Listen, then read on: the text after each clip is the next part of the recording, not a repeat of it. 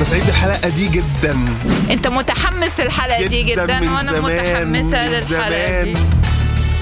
آه لو أنتوا سمعتوا الحلقة رقم اتنين في season 1 هتفتكروا إن إحنا اتكلمنا على حبنا الذي لن يتكرر للفنان والمهندس وال millennial زينا والروائي ال- الجميل آه عملا وشكلا وموضوعا محمد ربيع. ربيع في برلين فتح مكتبة اسمها خان الجنوب إصدارات عربية وإصدارات مترجمة للعربية. مظبوط كده ربيع؟ يعني المكتبة الوحيدة اللي بتبيع كتب عربي في في برلين. آه طب هو المقدم أحمد عطارد؟ لو أنت تخيلت لو أنت المخرج النهارده مين؟ ده أنا أنا دلوقتي جه في حد في بالي مين؟ آه، مين؟ عباس أبو الحسن. واو آه لا حلو. أنتوا دلوقتي بتسمعوا الجدون مع رضوى وجيمي.